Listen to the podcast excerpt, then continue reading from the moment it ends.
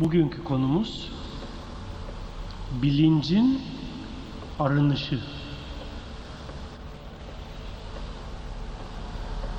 Bilinç nasıl arınır ve orijinal safiyetine yaklaşır?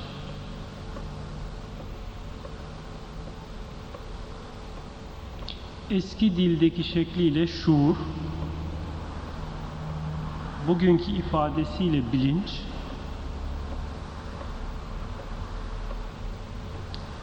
daha ta küçüklükten başlanarak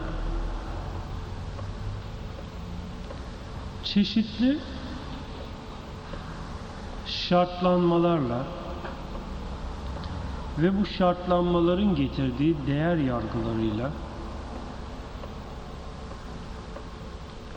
oldukça yoğun bir biçimde bombardımana tabi tutulur.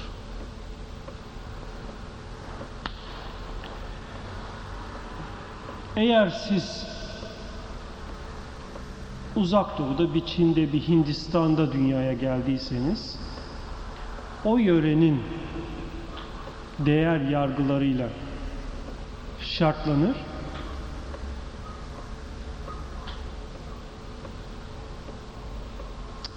ve çevrenize de o değer yargılarıyla bakıp hüküm verirsiniz. Günlük davranışlarınızdan tutun toplumsal bakış açınıza kadar dinsel değerlere kadar size yön veren şey bulunduğunuz çevrenin bilincinizi giydirişi oluşturur.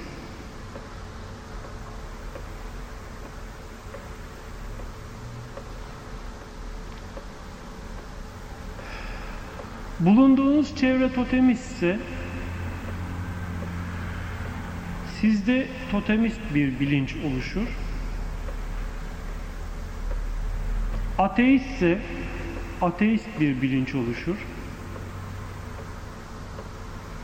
Bir Musevi veya bir Hristiyan veya bir Müslüman şartlanmasıyla yetişmişsiniz. Bu türden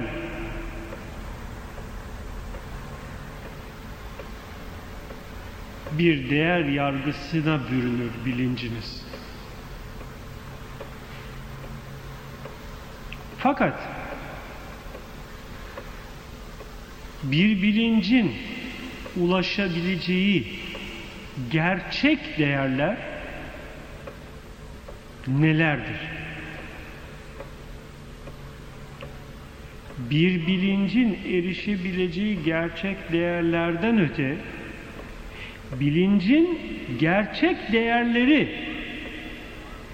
nelerdir?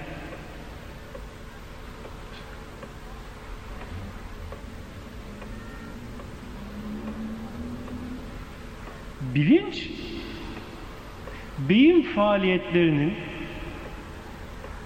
zihinsel faaliyetlerin sonucunda oluşur. Fakat beyin faaliyetleri de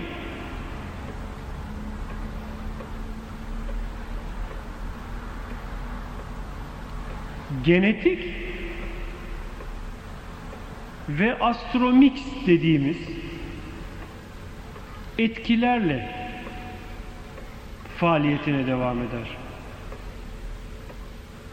Astromix kelimesiyle astronomi artı astroloji değerlerini kastediyoruz.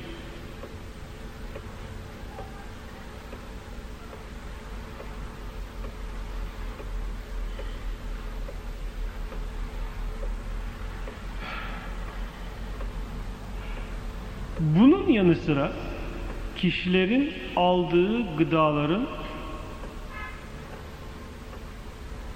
kimyasal değerlerinin beynin kimyasında oluşturacağı etkiler de gene bilinci yönlendiren, etkileyen faktörlerden bir tanesidir.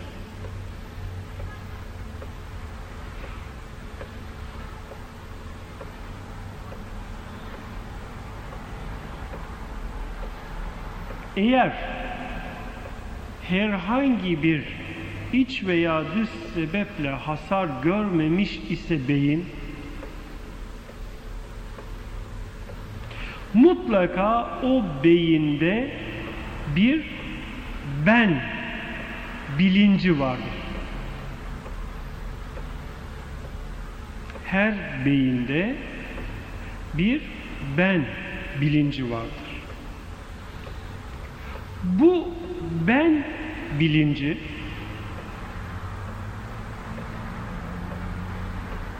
varlığı mevcudatı meydana getiren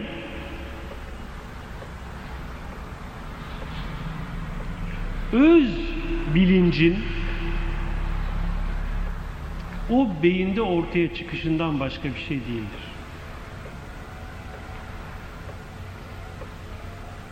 Esas itibariyle ben kelimesinin muhatabı gerçekte kozmik bilinç veya evrensel bilinç veya öz bilinç tabirleriyle ifade edilen mutlak benliğe aittir. Ancak kişi yetişme süreci içinde en başta çevresel şartlanmalar dolayısıyla bir izafi vehmi benliğe bürünür. Ve aynaya bakıp da gördüğü suret olarak kendini kabul eder ve ben dediği zaman da aynada gördüğü sureti kasteder. Bu benim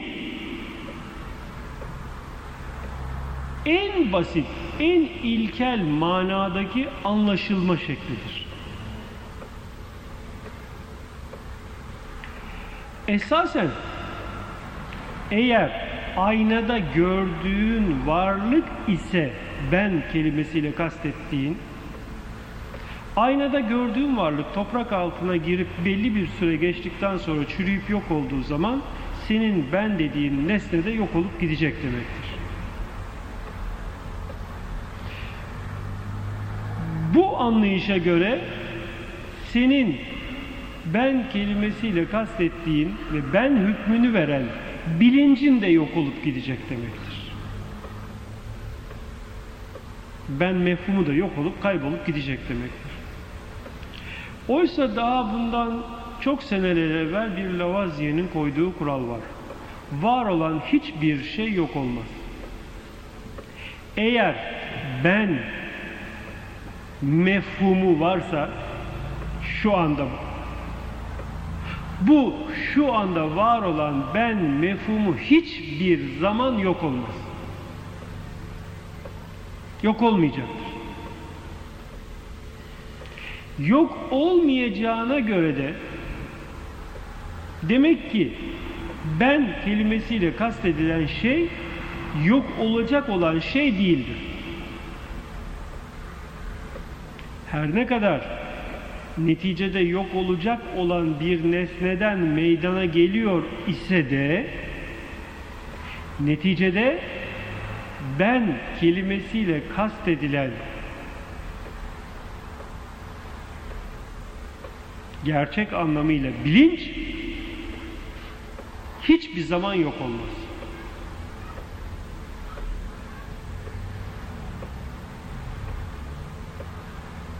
Bugün beyin faaliyetinin neticesi olarak ortaya çıkan bilinç beynin ürettiği mikrodalga bedene tüm özellikleriyle yüklendiği için nasıl bugün beyin faaliyetiyle yaşamına devam ediyorsa beynin durması anından itibaren de eskilerin ruh adını verdiği mikrodalga bedende yaşamını sonsuza dek sürdürecektir.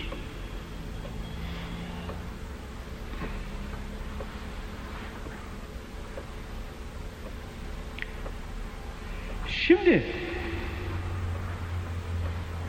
bilinç ne şekilde kendi orijinal yapısını tanıyabilir?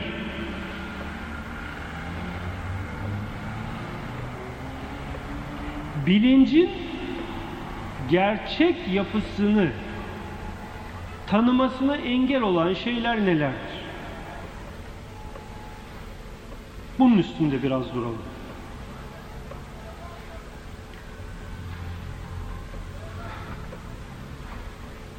Bilinç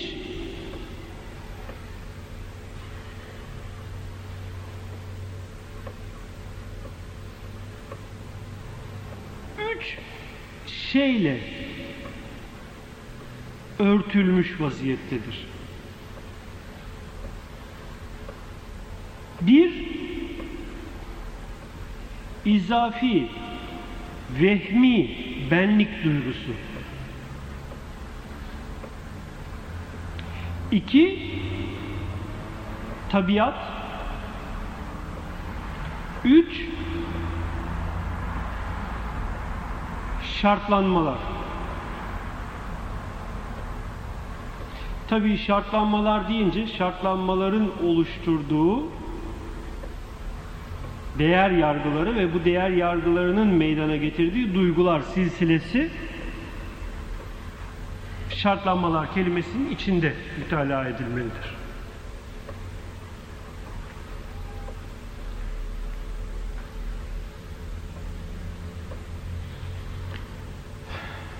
Bir bilinç bu üç şeyden arınmadığı sürece kendi gerçek değerine erişemez.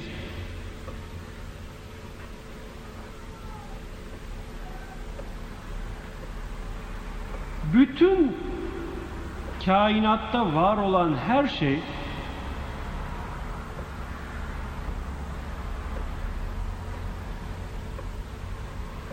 gerçeği itibariyle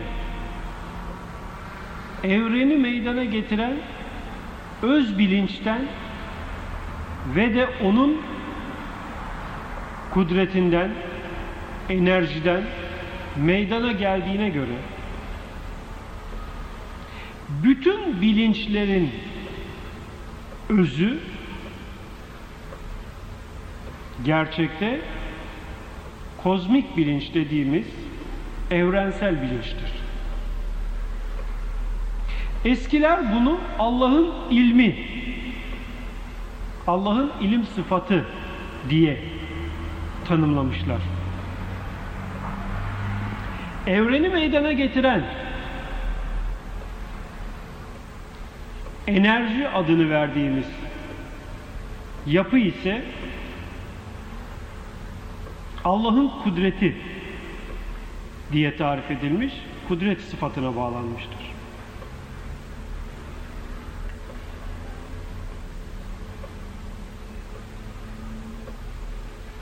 Esas itibariyle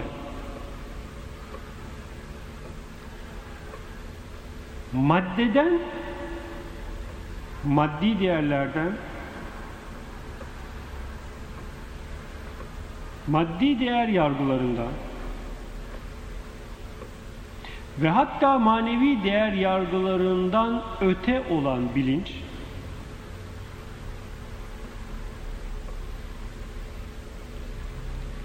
oluşumu itibariyle gözünü bu madde bedende açtığı için beş duyu verilerine bağlı kalarak kendini bu beden zannetmiştir. Kendini bu beden zannetmesi onda vehimden doğan bir birimsellik oluşturmuş ve de ben falancayım, ben filancayım diye düşünmeye başlamıştır. Çevre kendisine ne isim takmışsa o ismin karşılığı olarak kendisini kabullenmiştir. Ve de beş duyuya bağlı olarak, beş duyuyla kayıtlı olarak da kendini bu et kemikten ibaret bir beden olarak mütalaa etmiş ve tüm yaşamını da bu madde bedene bağlayarak bu beden yok olduğu zaman ben de yok olacağım zannıyla ömür sürmeye başlamıştır. Oysa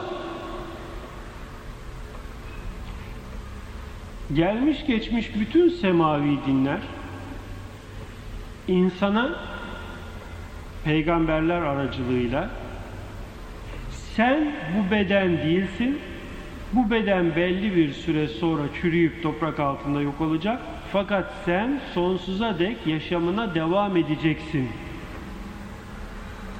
bilgisini ulaştırmışlar ve bütün bilinçleri bu yolda uyarmışlardır.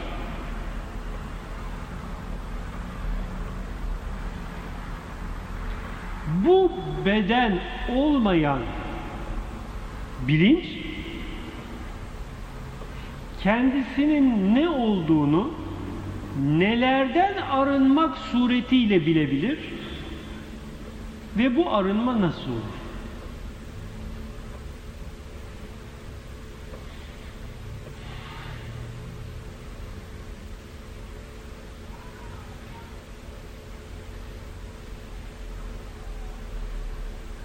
bizim bilinç kelimesiyle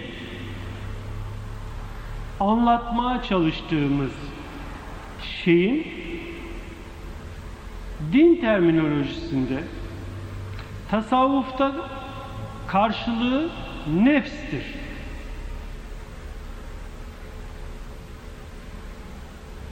Nefs benlik veya bilinç anlamındadır.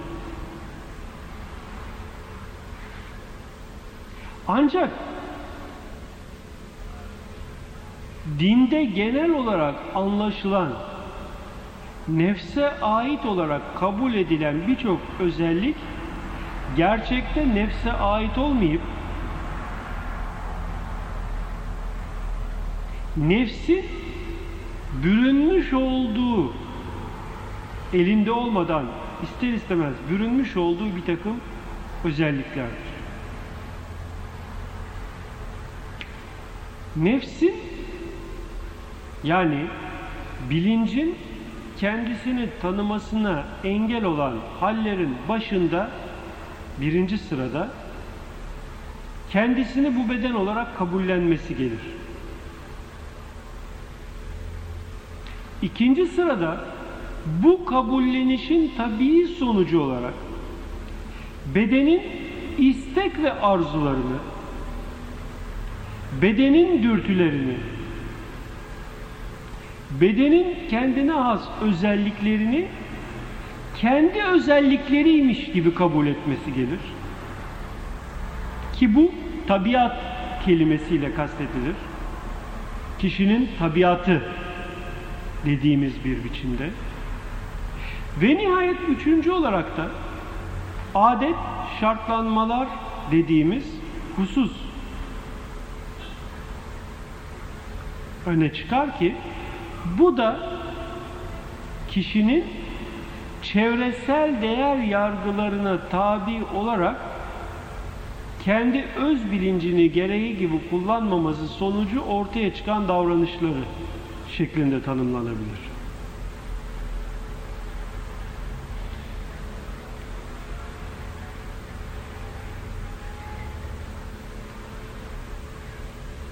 Basit cümlelerle ifade edeyim. Siz kendinizi bu beden kabulleniyorsunuz. Sonra bedenin istek ve arzularını, zevklerini, azaplarını ve ızdıraplarını kendi zevk ve ızdıraplarınız olarak kabulleniyorsunuz. Ve çevre sizi ne şekilde şartlandırıyorsa, neye şartlandırıyorsa o istikamette onlara sahip olmak için bir mücadele veriyorsunuz. İşte bu üç hal bilincin gerçek değerinin örtülüp bir bilimsel yaşamın başlamasıyla oluşan haldir.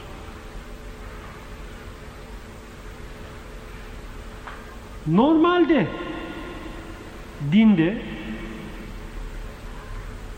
halkın şeriat düzeyi dediği dinin sadece şekli hükümlerini yerine getirme diye mütalaa edilebilecek hal nefsi emmare ve nefsi levame halleridir. Nefsi emmare kendisini beden kabul eden nefsin yani bilincin bedenin içgüdüsel diyeceğimiz tabiatı istikametindeki davranışlarına tabi olmasıdır. Beden en güzel şekilde yemek ister. Beden en güzel şekilde rahat etmek ister. Beden en güzel şekilde seks yapmak ister. Beden en güzel şekilde uyumak ister. Beden en güzel şekilde neye şartlanırsa onu elde etmek ister. Bunlar bedenin tabiatı dediğimiz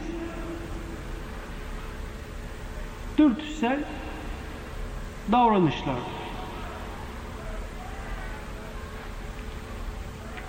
Ve bu bedene tabi olan bilinç gerçek değerini yitirmiş, gerçek varlığından örtülmüş ve kendini beden kabul etmiş. Bilincin en alt düzeydeki en ilkel yaşam şeklidir. Adeta bir hayvan gibi. Hayvan da yer, hayvan da içer, hayvan da çiftleşir, hayvan da uyur, hayvan da ürer. Bütün bunları yapmak için bir bilince ihtiyacı yoktur. Bedenin tabiatı, doğası onu bu istikamette sürükler götürür. Oysa insanı insan yapan şey tefekkür dediğimiz, muhakeme dediğimiz belli doneleri detaylarıyla ele almak, bunları analiz etmek ve bu analizlerden çıkan sonuçları sentez yaparak ortaya bir mana çıkartmak ve bu çıkan manaya göre kendine yön vermek özelliği oluşturur. Yani bir insanın insan olabilmesi için yaşam değerlerini iyi ele alması, üstünde yeterli araştırmaları yapması ve bu araştırmalardan çıkacak sonuçlara göre kendine yön çizmesidir. İşte bu düzey tasavvufta mülhime nefs dediğimiz mertebede başlar. Kişi kendisinin beden olmadığını, bu bedenin belli bir süre sonra çürüyüp yok olacak bir nesne olduğunu, yeme, içme, seks gibi hallerin bu bedenle birlikte sona erecek haller olduğunu idrak etmeye başladıktan sonra peki ben neyim, ben kimim araştırmasına başlar. Bu araştırma tefekkür yolda olabilir, ilham yolda olabilir,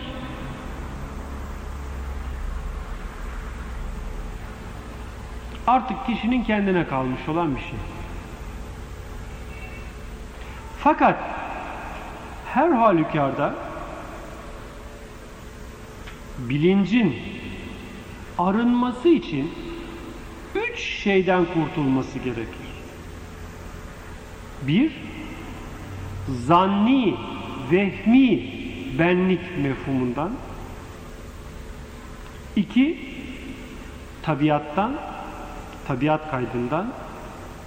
Üç, şartlanmalar, şartlanmaların oluşturduğu değer yargıları ve bu değer yargılarının getirdiği duygulardan.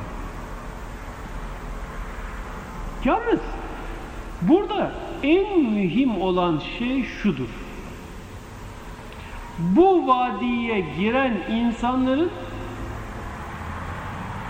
binde biri dahi buradan sağ çıkmaz. Burada bu bölümde, bu bahiste buraya girenlerin pek çoğu burada helak olur. Eğer bu işi iyi bilen birisi yanında yoksa akıl danışacağı, soracağı, takıldığı yerleri soracağı bir bileni yoksa binde 999'u burada boğulur gider. Bunun sebebi nedir? Bunu izah etmeye çalışacağım. Şimdi sen gerek tefekkür yollu, gerekse sezgi yollu, ilham yollu bir gerçeği algıladın. Algıladın ki ben bu beden değilim, bu beden çürüyüp yok olup gidecek. Bugün nasıl bu bedenle varım ama bu beden değilim. Öyleyse yarın da bu bedenin oluşturduğu ruh bedenle varım ama ben o ruh beden de değilim. Peki ben neyim? Dedim ve varlığın özüne inmeye başladım. Varlığın, mevcudatın özüne doğru bir yolculuğa çıktın. Madde dünyasından başladın. Atom boyutuna indin. Atom altı boyuta indin.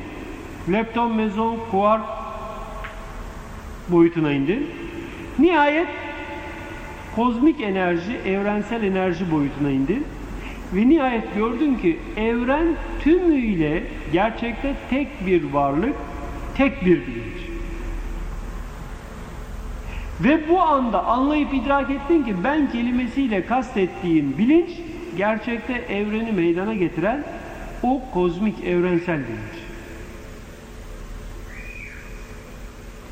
İşte bunu anladığın anda tasavvuftaki tabiriyle benim varlığımda haktan başka bir şey yoktur dedim. Ben kelimesiyle kastedilen varlık haktır dedim. Dediğin anda da işte hakikata giden yoldaki en korkunç batağa adımını attın. Çünkü sen o anda madem ki benim varlığım hakkın varlığıdır, madem ki bu varlık tektir, öyleyse hak hiçbir şeyle kayıt altına girmez, hak dilediğini yapar, hak mesul değildir gibi görüşlere kayarak tamamen bedeninin istediği bir biçimde yemeye, içmeye, sekse, uyuma ve dünyalık nesnelere sahip olmaya giden rampadan kaymaya başladı. O anda canın ne isterse onu yemek, canın ne isterse onu giymek, canın ne zaman isterse seks yapmak gibi tamamen bilincini bedene tabi kılan bir birime, bir bedene tabi kılan davranışların içine girdi. Ve böylece de her ne kadar ilk anda kendi bilincinin o kozmik bilinç, evrensel bilinç olduğunu öğrensen, zannetsen dahi hakikati elle tutacak derecede o hakikate yaklaşsan dahi bu yanlış düşünce dolayısıyla tuttun bedensellik boyutuna kaydın ve o bilinci yitirerek kendini şu beden kabul ederek bu bedene dönük yeme, içme, seks, rahat gibi konularla bu beden batağında boğulma yoluna girdi.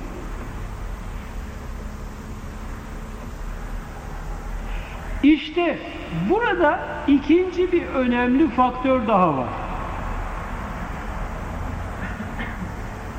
Bazıları geçmişte önce tabiatı terki ele almışlar. Bir diğer kısmı şartlanmaları terki öne almışlar. Bir diğer kısmı da bir diğer kısmı da benliği yani vehmi, zanni benliği kaldırmayı esas almışlar. Geçmişte tasavvufta ruhu kuvvetlendirme yolunu seçmiş olanlar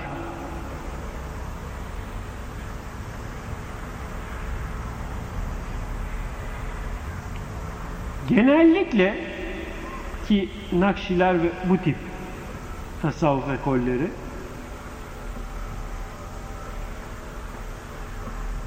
bilinçteki teklik duygusunu güçlendirerek maddeden arınma çalışmalarına girmişler.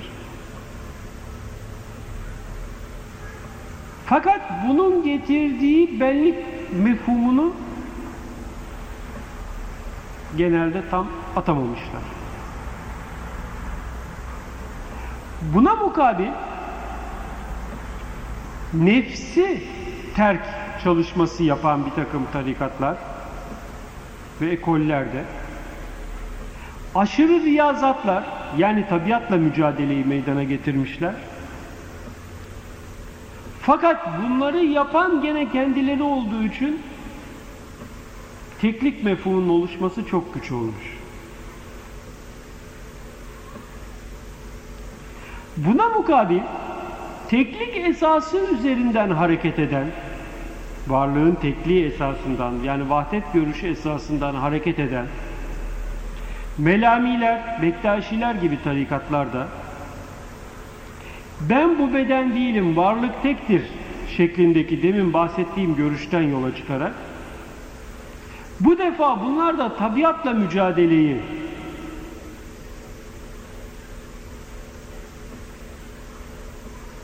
geri bırakmışlar ve bunlar da teklik bilgisine rağmen bedende tekliği yaşamak handikapına düşerek gene vahdetin esasına ulaşmaktan mahrum kalmışlardır.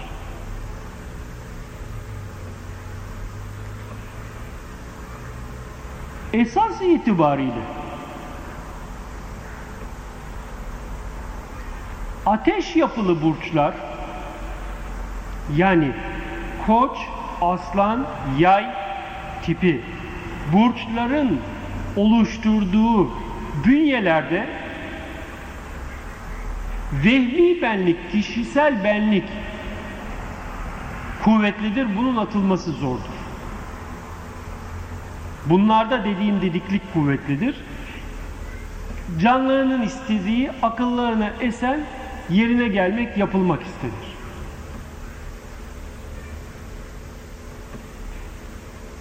Su grubu olan yani yengeç, balık, akrep gibi burçlarda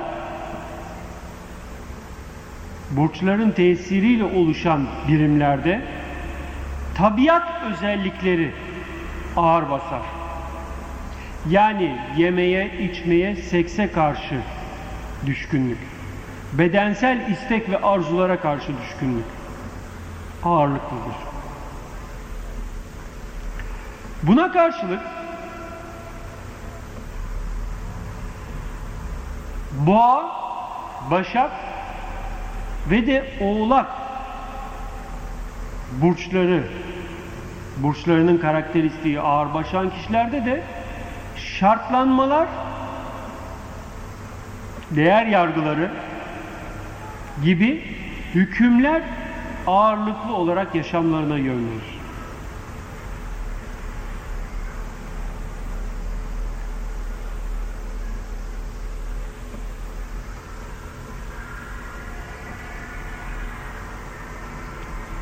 şartlanmaları oluşturan değişik manalar yeryüzünde mevcut olan bütün şartlanmaları oluşturan manalar esas itibariyle ilahi isimlerin neticesi olarak meydana çıkar.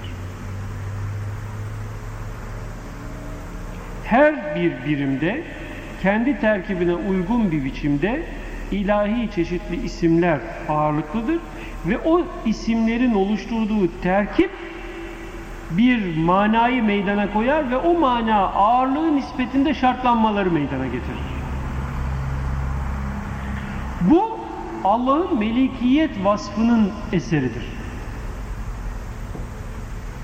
Yani bir diğer ifadesiyle esma mertebesindeki manaların yaşadılan alemde ortaya çıkması şeklinde görülür.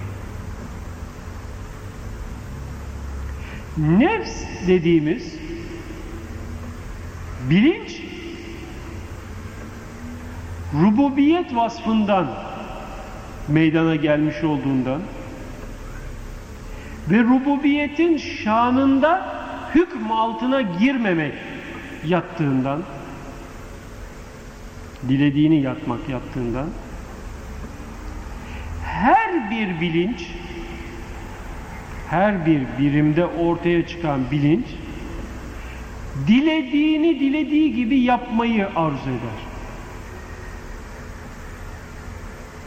Yaptığı işin sonunun kendine zarar mı yarar mı getireceğini düşünmeden. İşte bu bilincin rububiyet vasfından meydana gelmiş olması eğer tabiat ve şartlanmalar yönünden gerekli arınmayı getirmiyorsa o kişinin neticede büyük azaplara ve ızdıraplara düşmesine yol açar.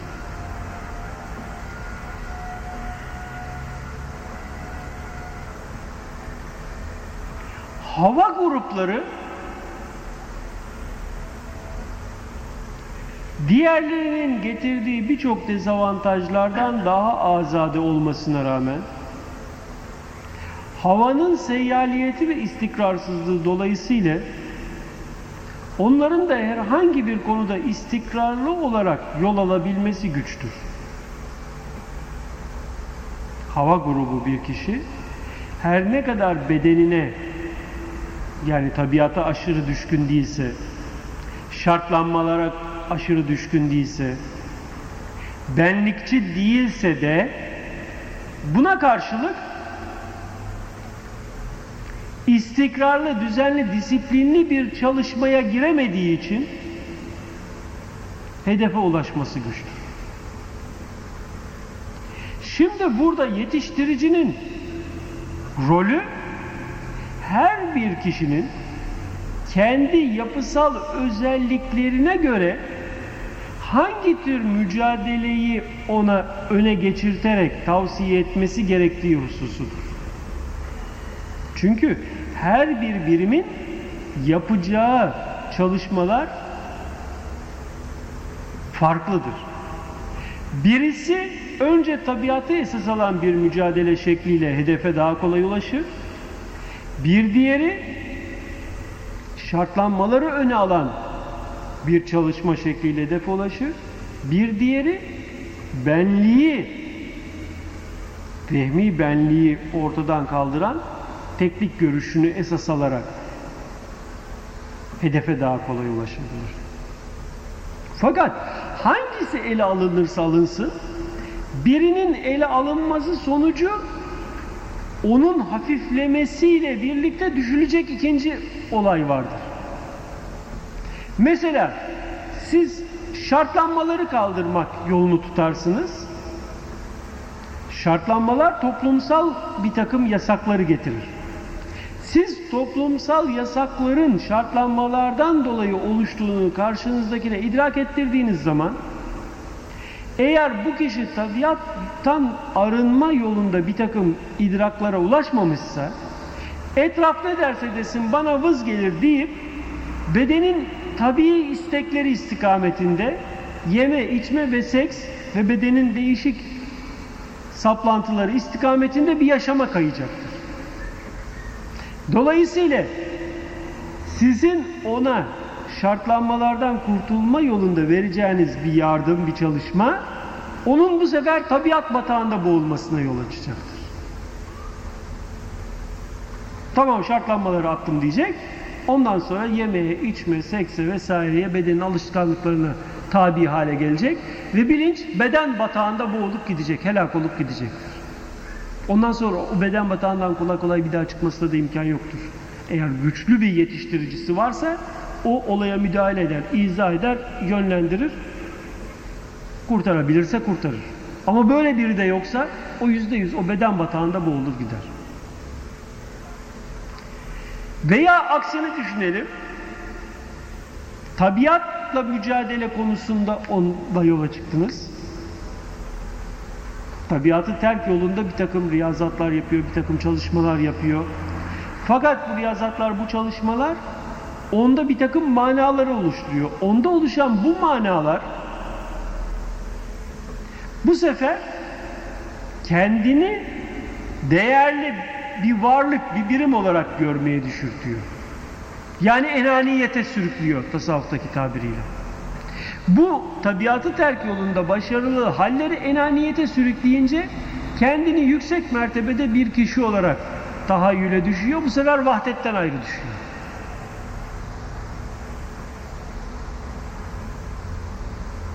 Veya ona vahdeti veriyorsunuz. Dediğim gibi gerçek değerleri veriyorsunuz. Bu sefer ben bu beden değilim diyerek bedeni salı veriyor, düşüyor bedensel istek ve arzuların içine. Yani sürekli böyle dönüşümlü bir her an bataklığa kayış olayı söz konusu. Dolayısıyla kişinin bütün yaşamı boyunca bütün yaşamı boyunca bedenin istek ve arzularından kendini kontrol edebilmesi şartlanmaların ve şartlanmaların getirdiği değer yargılarının ve bu değer yargılarının kendisinde oluşturacağı duyguların üstüne çıkabilmesi ve daha sonra da bu, bu bunlardan arınmış bir halde varlığı oluşturan öz bilinç olarak kendini tanıyıp bilebilmesi gerekir. Eğer bunu gerçekleştirebilirse gerek rububiyet itibariyle gerek melikiyet itibariyle gerekse de rahmaniyet itibariyle kendini tanımış ve Er-Rahman alel arş istiva Rahman arş üzerine istiva etti ayeti onun için tecelli etmiş ve varlık alemini her an seyreden ve varlık aleminde tasarruf edebilen olmuştur.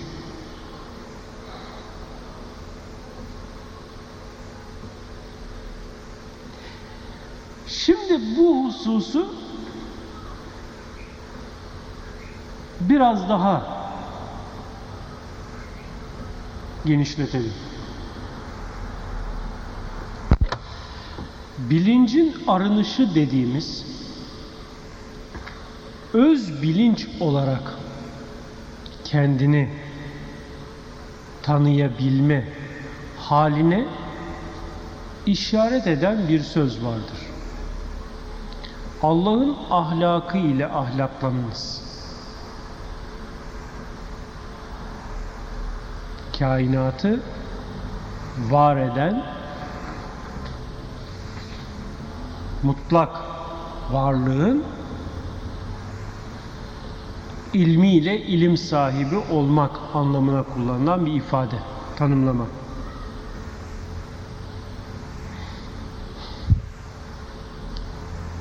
Şunu hatırlayalım ki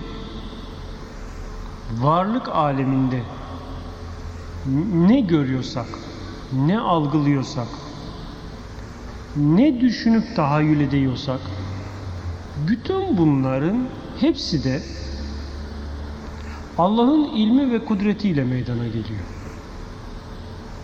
Yani evreni meydana getiren öz bilincin ilmi istikametinde oluşuyor.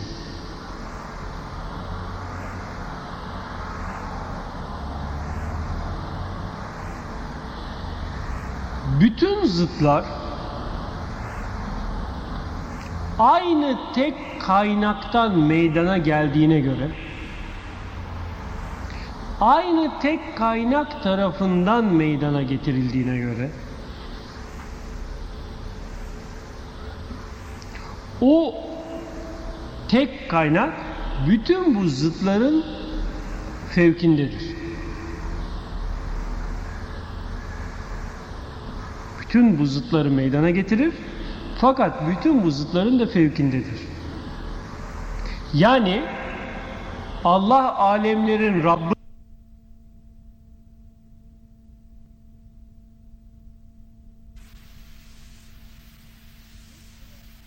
Yok eğer Allah alemlerden ganidir mefhumu ağır basarsa bu defada tenzih esasına da yol olarak alemlerden öte bir ilah anlayışına kayarız. Burada da şirk doğar. Dolayısıyla alemlerin Rabbidir Allah ve alemlerden ganidir istikametinde hem tüm manaları ve bu manaların fiile dönüşüş hallerini Allah'a bağlayacağız. Hem de Allah'ın bütün bunlarla kayıt altına girmekten münezzeh olduğunu vurgulayacağız. Yani iki noktada da tekli olarak saplanıp kalmayacağız.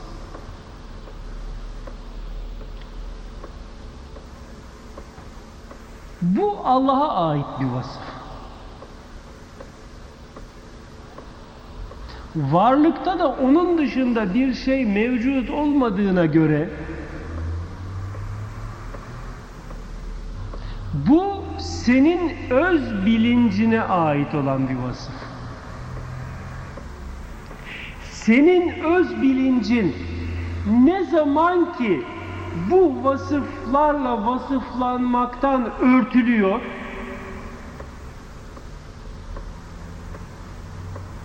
ve sen belli kayıtlar altına giriyorsun işte o anda sen vehmi, zanni benlikle yaşama girdin demektir. Bu girişin tabii sonucu olarak da ister istemez çevresel şartlanmalar senin üzerinde etkisini gösterecektir.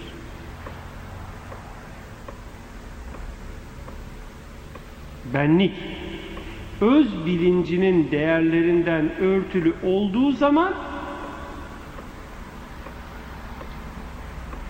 çevresel şartlanmaların kaydı ve hükmü altına girer. Benlik, bilinç, öz bilincinden örtülü olduğu anda çevresel, yöresel şartlanmaların kaydına girer. Ana baba şartlanmasından, okul şartlanmasından, okuldaki arkadaşlarının şartlanmasından, bulunduğun topluluğun şartlanmasından, çeşitli basın yayın organlarının şartlanmasından aşama aşama aşama aşama sayısız şartlanmaların içine girer. Ve bu şartlanmaların içine girdiği andan itibaren de artık bütün davranışları O şartlanmalar ne istikamette geliyorsa o istikamette olarak kendisinden ortaya çıkar. Toplum veya çevresi kendisine neyi değerli olarak empoze etmişse o o şartlandırıldığı değerli olan şeyin peşinde koşar. Yalnız burada bir şeyi daha vurgulayayım önemli bir husus. Mesela o kişi ateş yapılı bir burç karakteristiğine sahipse o burçsal özellikleri istikametinde o şartlanmaları değerlendirir. Veya toprak ağırlıklı bir burçsal yapıya sahipse şartlanmaları o toprak karakterli vasıflara göre değerlendirir. Veya su yapılıysa onun karakteristiğine göre davranışlara kayar. Yani şartlanmalar kişinin terkibi yapısının istikametinde onu etkiler. Şartlanmalar kişide belli değer yargılarını meydana getirir. Şimdi şöyle düşünün bu olayı. Siz çevreniz tarafından bu değerlidir diye şartlandırılıyorsunuz. Şu nesne değerlidir. Böyle şartlandırıldığın içinde senin gerçek kişiliğin, gerçek benliğin ortaya çıkmamış. Henüz bir ilkel durumdasın, bir maymun, bir papağan düzeyindesin. Çevren de sana, çevrendeki kim? Falanca veya filanca veya pişmekanca. Sana bu değerlidir, sen bunu al, sana bunu lazım, sen buna layıksın, sen şöylesin, sen böylesin diyor. Sen bu şartlanmaya tabi bir mahluk olarak onu ele geçirmek istiyorsun. Çünkü benlik dilediğini yapıyor ya. Nasıl yapıyor? Hangi istikamette şartlandırılırsa o onu ele geçirmek için yapıyor. Bu defa sen onu ele geçirmek için mücadele veriyorsun. Bu mücadeleyi verirken şartlanmanın getirdiği değer yargısıyla o mücadeleyi verirken bu defa onu elde edip edememe hali sende duyguları meydana getiriyor. Eğer o şeyi ele geçirirsen bu sende sevinç dediğimiz duyguyu meydana getiriyor. Yok o nesneyi elde edemezsen şartlandırıldığın şartlanmasına tabi kıldığın o nesneyi ele geçiremezsen bu sefer sende üzüntü dediğimiz duygu meydana geliyor. Veya şuna sahip ol dendiği istikametinde sen o şeye sahip oldun. Bu şeyi senin elinden alıyorlar. Sende bir sahiplik duygusu meydana geldi. Sahiplik duygusuna karşılık o şey de senin elinden alındı mı? Alındı. Senin için ızdırap azap başladı. Yani duyguların kökeninde senin değer yargıların yatıyor. Duyguların kökeninde senin de değer yargıların yatıyor. Senin değer yargılarını oluşturan faktör de şartlanmalar. Ve bilincin artık bu şartlanmalar denizinde bir o yandan gelen dalgalarla öbür yana gidiyor, bir öbür yandan gelen dalgalarla bu yana gidiyor. Ve sen sürekli olarak şunu elde edeyim, şunu elde etmeyeyim, şuna yaklaşayım, şunu kaçırmayayım, şunu kapayım derken bir ömür böylece geçip gidiyor. Her şey yitiriliyor. Dolayısıyla de ölüm ötesi yaşama hiçbir hazırlıksız geçiyorsun ve burada elde edemediğin şeyi de orada elde etme imkanın olmadığı için artık şu dünyadaki geçici zevkler uğruna bütün ebedi hayatını yitirmiş oluyorsun. Ebedi hayat. Onun için diyor ki bir insana bu dünyada verilecek en büyük nimet ona ölüm ötesi yaşam yolunda yardımcı olabilecek bir hayat arkadaşıdır. Eğer kişinin eşi ölüm ötesi yaşama inanmıyorsa, o yolda eşine yardımcı olacak biri değilse, o kişi zaten baştan çok büyük belalara duçar olmuş demektir. Şimdi bu anlattıklarım şartlanmalarla ilgili yönler. İkinci olarak tabiatla ilgili yönler. Ne dedik? Tabiat bedenin biyolojik yapısının veya kimyasal yapısının oluşturduğu dürtülerdir. Bu dürtüler bir delide de vardır, bir akıllıda da vardır. Yani akılla bağlantılı değildir. Vücudun kimyasının oluşturduğu bir takım özelliklerdir. Yiyeceksin, içeceksin.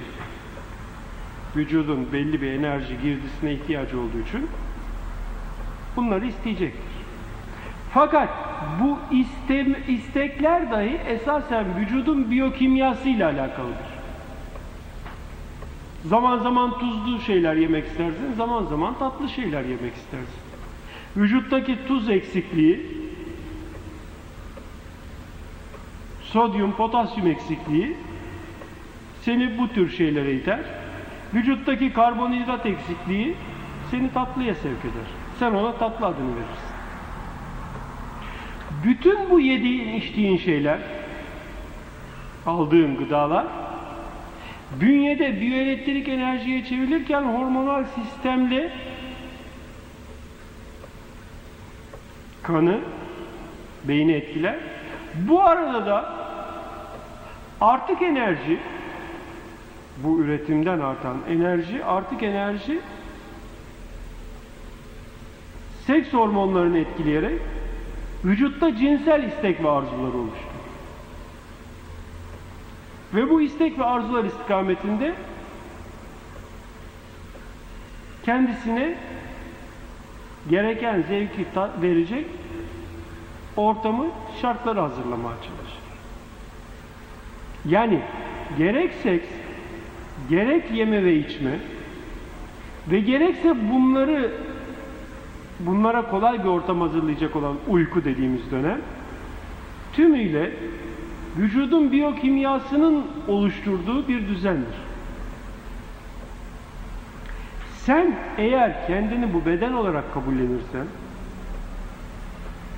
bu beden olarak kabullenişinin neticesinde en iyi yemeği, en iyi içmeyi, en iyi şekilde seks yapmayı ve bunları en çok, en güzel şekilde sürdürmeyi istersin. Bunları her yapışın arkasından bunu hazmeden vücudun biyokimyası daha güçlü olarak tekrar seni o şeye hazırlar. Dolayısıyla yemenin, içmenin ve seksin sonu gelmez uzun bir dönem. Ta ki bünyede bir hastalık olacak ki bu hastalığın getirdiği araz olarak bunun hızı kesilsin. İşte senin kendini bu beden olarak kabullenmenin getirdiği en baştaki arazlardan bir tanesi de senin özbenliğine dönük gerçek kişiliğini, bilincini bulmaman belasıdır.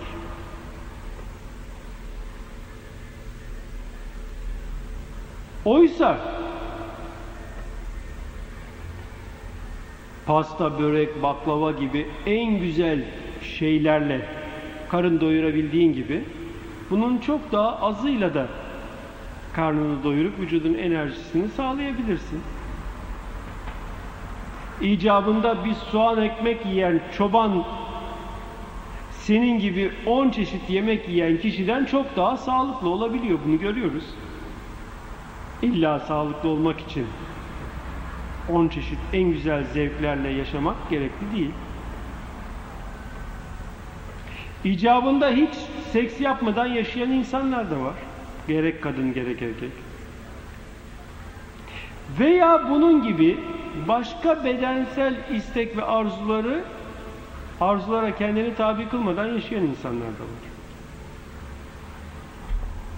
Şimdi demek istediğim şu ki bunların hepsini terk et değil. Fakat bunların kaydında olarak yaşama ki kendini bunlardan kurtarabilirsin. Bunların herhangi birini bıraktığın veya geçici bir süre bunlardan uzaklaştığın zaman kendine hakim olabiliyorsan kendine bilincine hakim olarak bedenine kumanda edip bunun istek ve kontrol altına alabiliyorsan gaye hasıl olmuş demektir. Ondan sonraki aşama artık kendini evrensel değerler düzeyine yükseltmektir.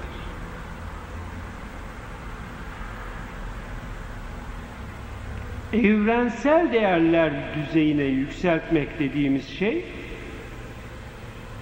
öz bilince doğru bir yolculuktur.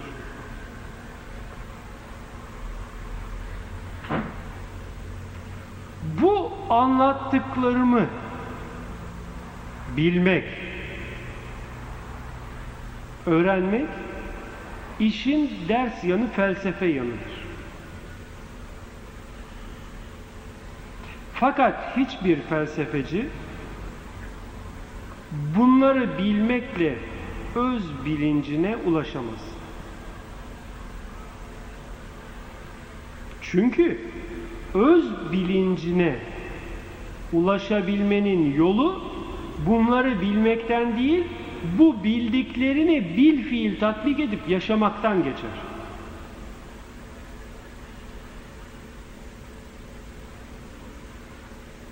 E ben bunları biliyorum canım. Biliyorsun güzel. Peki bu bildiklerini tatbik edebiliyor musun? Belli istek ve arzuları sınırlayıp, kısıtlayıp, bu bedene hükmedip, bu bedenin tabiatına, arzularına karşı çıkabiliyor musun? Bunları kontrol altına alabiliyor musun? E sen daha bir sigaradan vazgeçemiyorsan, bedenin bir alışkanlığı olan, bedenin biyokimyasına bağlı bir özellik olan, bir sigara alışkanlığından vazgeçemiyorsan, senin ben bu yolda çalışma yapıyorum ve öz bilincime doğru yaklaşıyorum, ulaşmak çalışmaları içindeyim, tasavvuftayım demeye hakkın var mı? Var dersen kendini aldatıyorsun. Bana hiçbir zararın olmaz. Ama sen kendini aldatıyorsun, bu yolda henüz hiçbir mücadele ve çalışma vermiyorsun. İster şartlanmalar yolunda bir takım kayıtların, bağların olsun. İster tabiat özellikleri içinde bir takım bağlantıların, şartların, kayıtların olsun. İster öz benliğinin arınmamış hali olan kendini bu birimsel varlık olarak hissetme, yaşama halinde ol. Her halükarda da bilincin arınışı senin için gerçekleşmemiştir. Ve bu böyle devam ettiği sürece de bu arınış olmadan bu dünyadan geçer gidersin.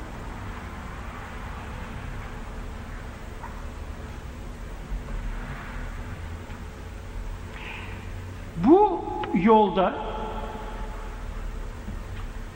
çeşitli vesveseler ve çeşitli badireler söz konusudur. Mesela bir cümle söyleyeyim. Şirki görmek şirktir.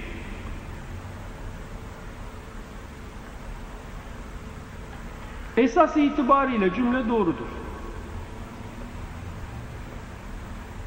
Şirki yaşamayan adam zaten şirk diye bir olay görmez. Tevhid gerçekleştiği anda şirk diye bir şey kalmaz. Dolayısıyla ne şirk vardır, ne müşrik vardır, ne şerik vardır. Ama sen şirk yoktur, müşrik yoktur, varlık tektir de, dediğin anda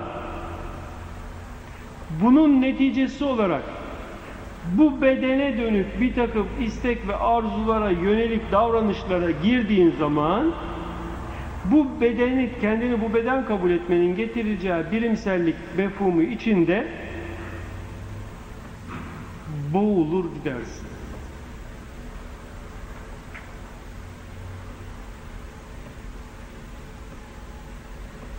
Geçmişte bu yolda nice başlar kesilir hiç soran olmaz sözünün söylenmesinin sebebi budur ve işaret edilen mana budur.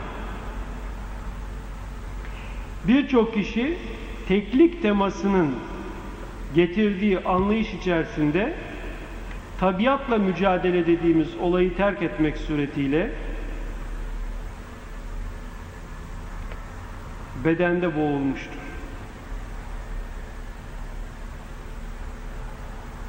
Teklik anlayışı mutlaka ve mutlaka yaşam boyunca tabiatla mücadeleyle birlikte sürdürülecek olan bir olaydır. Bu yüzdendir ki peygamber eriştiği dereceye rağmen yoğun ibadete vermiş kendini ve tabiatıyla mücadele yolunda yoğun çalışmalar yapmıştır.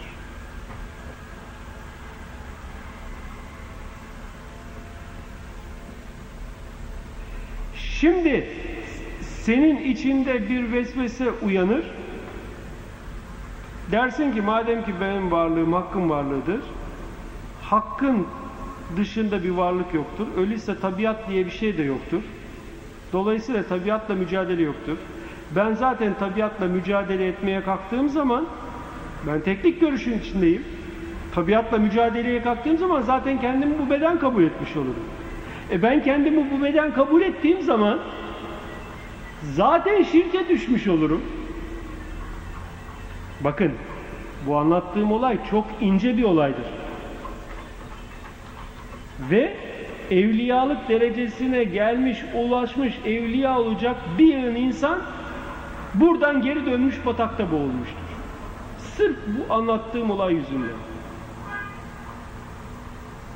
Ve doğrulardan geliyor buraya. Madem ki benim varlığım hakkım varlığıdır. Varlık tek bir varlıktır. Benim varlığım da hakkım varlığıdır. Öyleyse ben bu beden değilim. Eğer ben kendimi bu beden kabul edersem bu bedenle bir mücadeleye girmek, bu bedenin tabii arzularını sınırlamak için ben bu bedende bir mücadeleye girersem ben kendimi bu beden kabullenmiş olurum. Ben bu beden olmadığıma göre bu bedenin davranışları da beni ilgilendirmez. Bu ister yesin, ister içsin, ister seks yapsın, ne varsa yapsın beni ilgilendirmez. Demiş ve bu sefer bu bedenin istek ve arzularına düşmek suretiyle neticede o tekliği yaşamdan uzaklaşmış, kaybetmiştir. Bu teklik konusunu en güzel şekilde açan, yayan Muhittin Arabi de dahil bütün bu konunun uzman kişileri tabiatla mücadeleyi bütün yaşamları boyunca devam ettirmiştir. Çünkü bu mücadelenin olmadığı anda bilinç beyinden meydana geliyor. Dikkat edin burayı hiç unutmayın. Mevcut olan bilinciniz beyin eseri beyin faaliyetinin eseridir. Beyin neyle meşgul olursa bilinç o şekilde şekillenir. Beyin neyle meşgulse bilinç o şekilde şekillenir. Dolayısıyla sen tekliği anlamana rağmen ne zaman ki bedenin istek ve arzuları, içgüdüleri, dürtüleri istikametinde davranışlara girdin, o andan sonra o beden istikametinde bedenin çalışmaları, yaşam tarzı istikametinde bir kişilik, bir düşünce, bir bilinç oluşacaktır sende. Ve böylece de vahdet bilincinden mahrum bir hale geleceksin.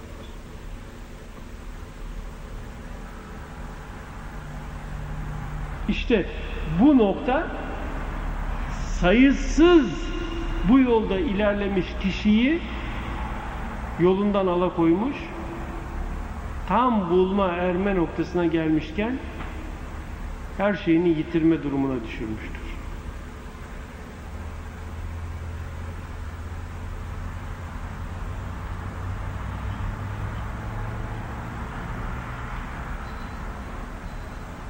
Öyleyse bizim özellikle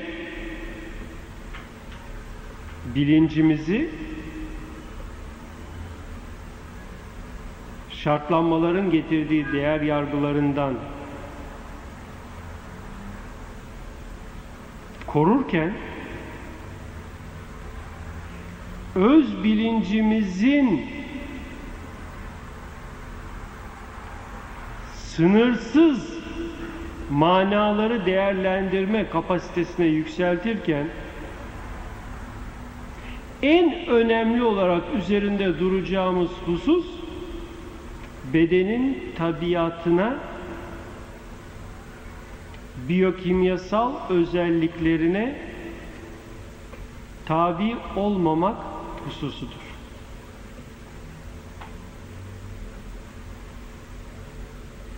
Ve bu öyle bir mücadele, öyle bir savaştır ki bütün yaşamın boyunca devam edecektir.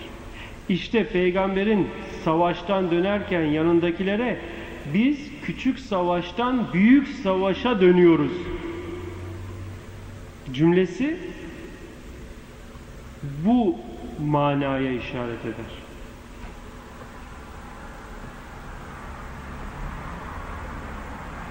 Nefis mücahedesi denen şey nefsi şartlanmalara ve tabiata tabi kılmama mücadelesidir.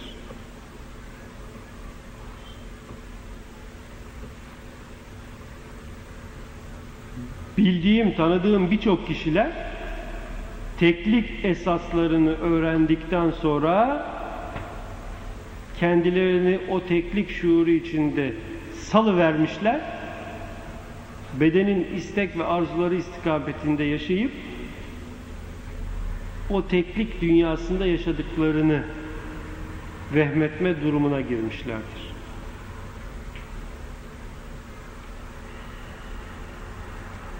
Aynen bir salyangozun uyanıkken ta direğin tepesine çıkıp gece uyuduğunda kayarak direğin en altına inip kendini hala çıktığı o en yüksek noktada olduğunu zannederek yaşaması ve tırmanmaya başladığı zaman da yukarıda kaldığı noktadan yukarıya tırmandığını sanması gibi bir olay bu.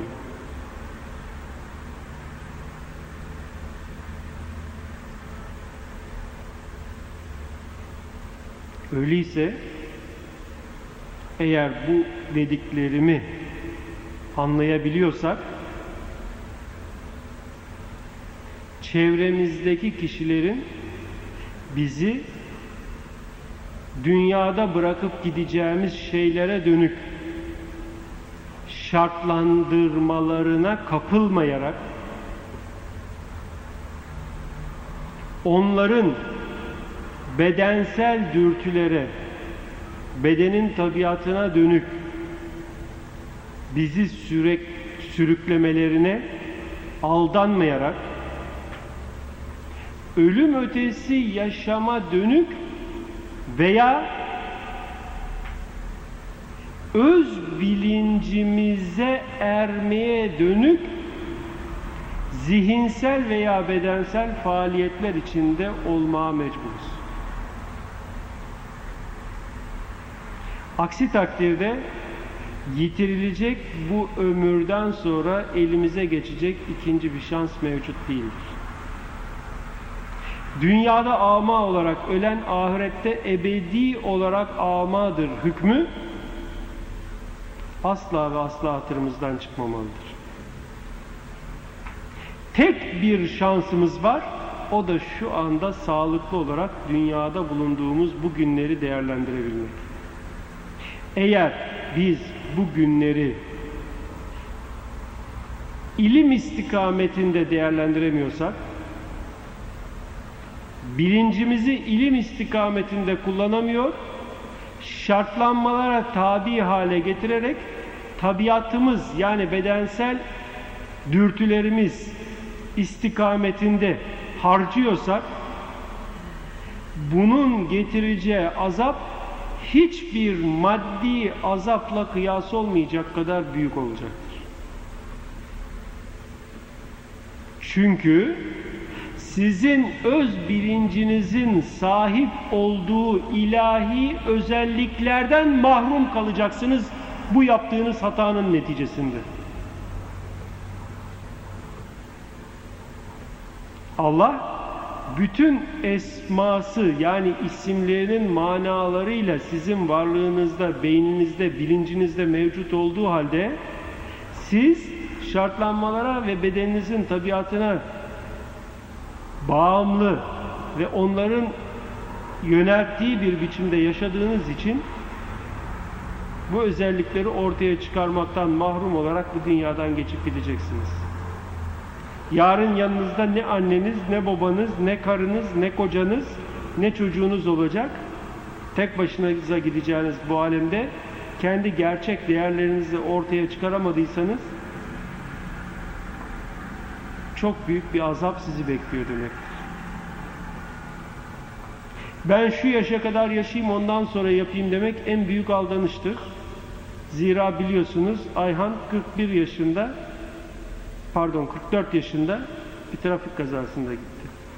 Yanında Saliha vardı. 38 yaşında öldü. Yanında Cüneyt vardı. 16 yaşında öldü.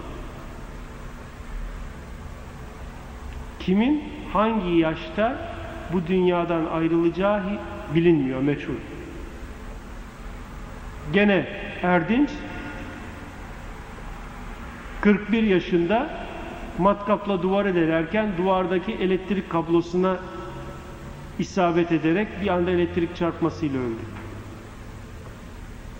Ve bunun gibi her gün gazetelerde, televizyonda sayısız kazaları görüyorsunuz.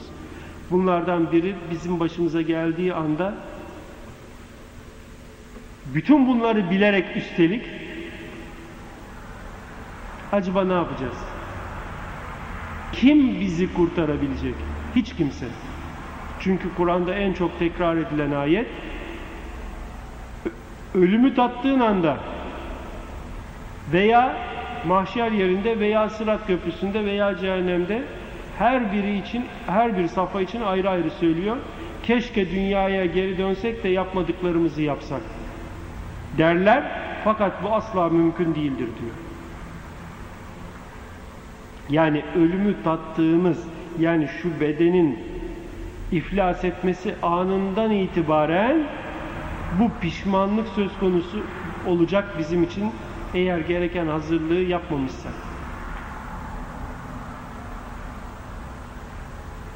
Böyle bir riske kendini atmak ne derece akıllı işidir. Zeki insan gününü en güzel şekilde değerlendirmek için yaşar.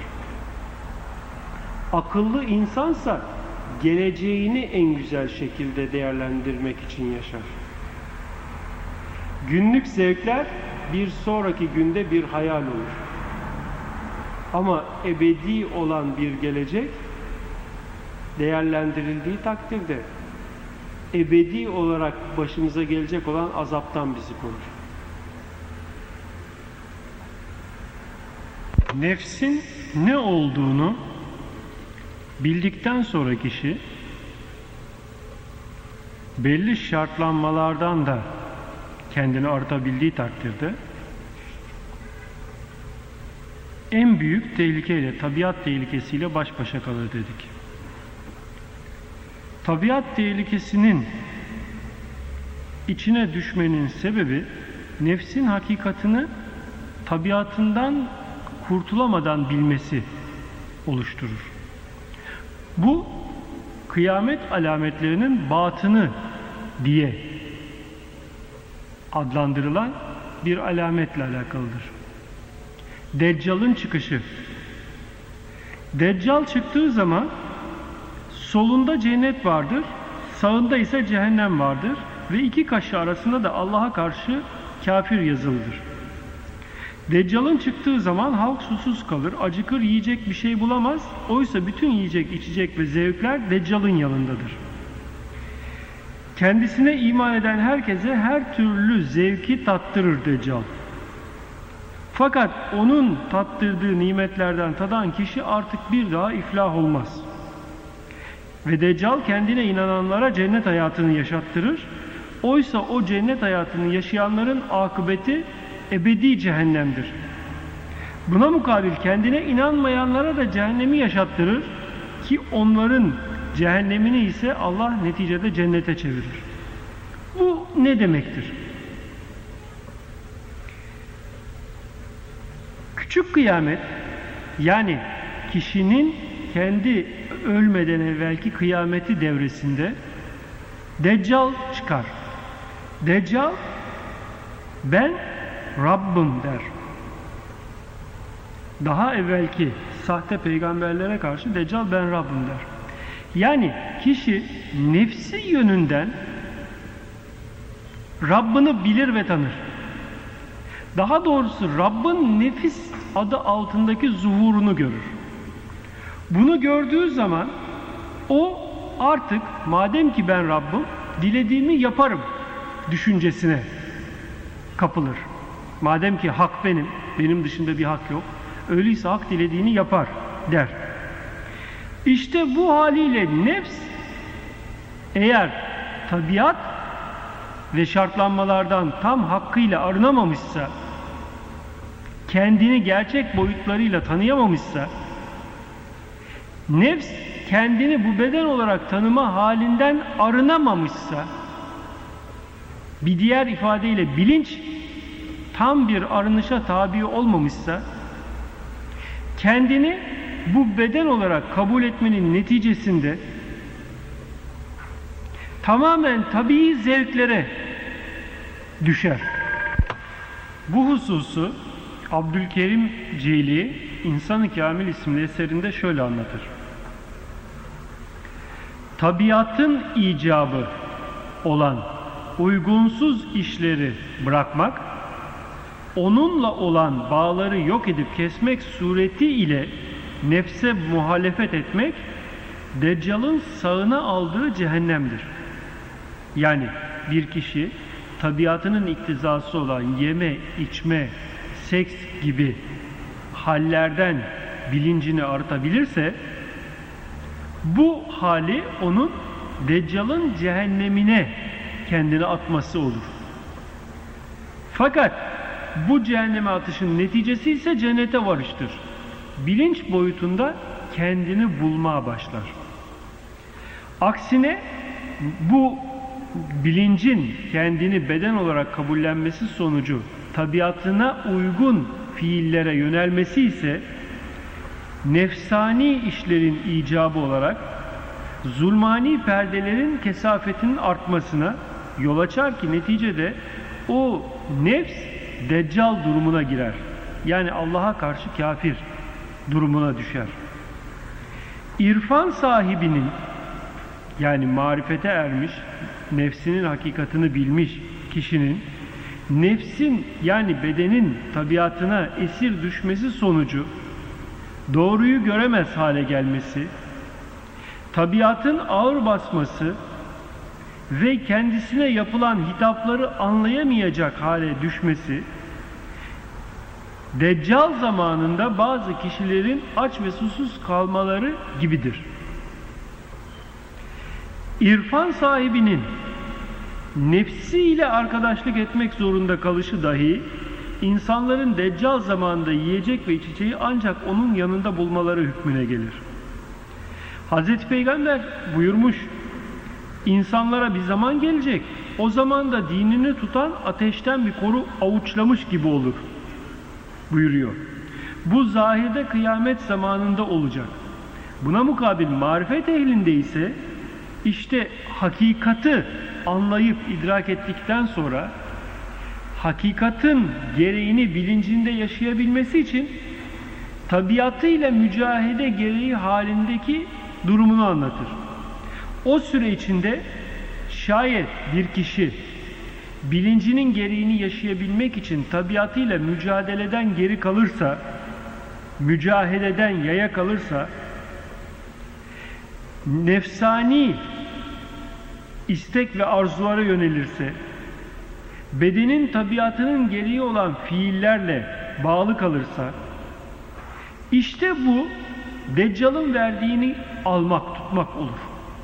Yani kişi varlığının hak olduğunu müşahede ederek ipin ucunu salar, kendinin zevkini bu bedenin zevklerinde bulursa ve bu şekilde de yeme, içme, seks vesaire gibi hallerle kendini perdelerse bunun neticesi Deccal'ın verdiğini almak olur.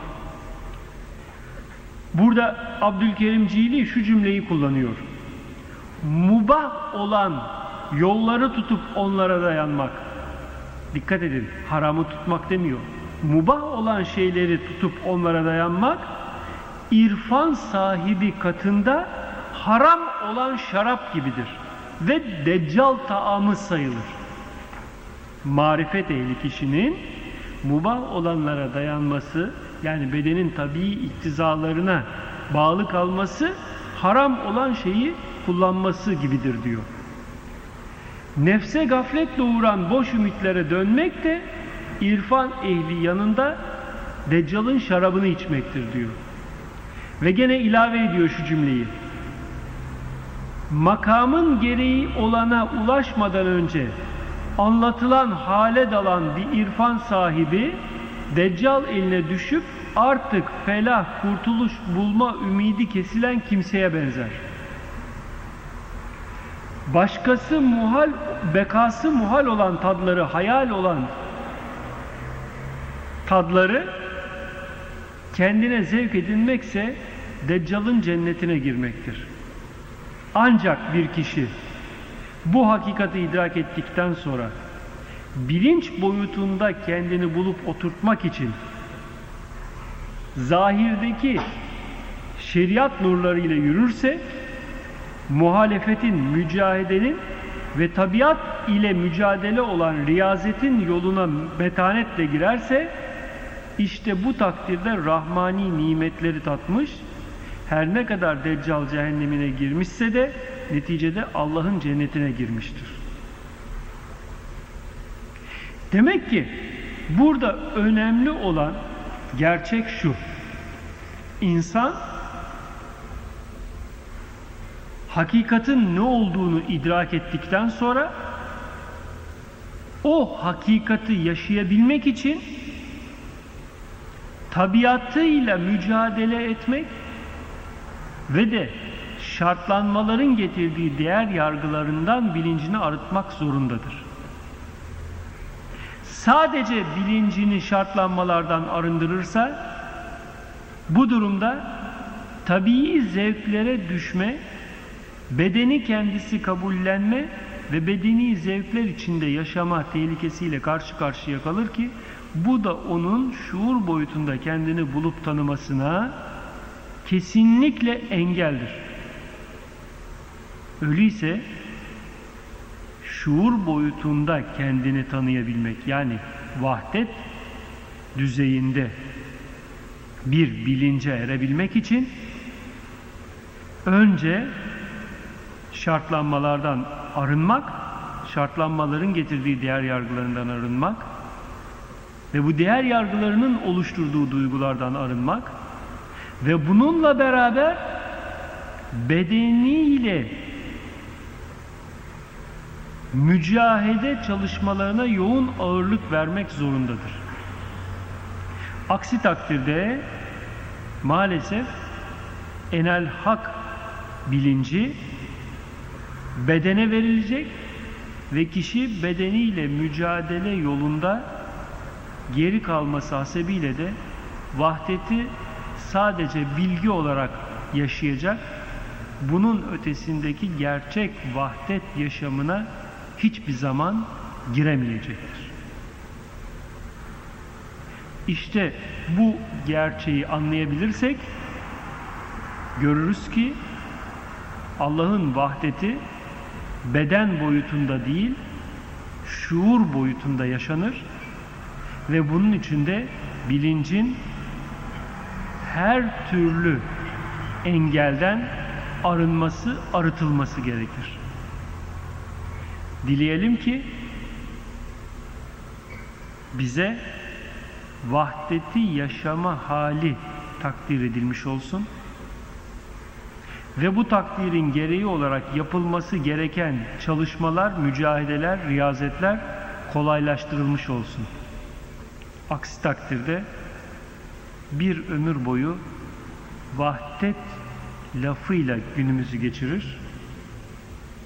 Neticede de hakikata ulaşamadan bu dünyadan çekip gidenlerden oluruz.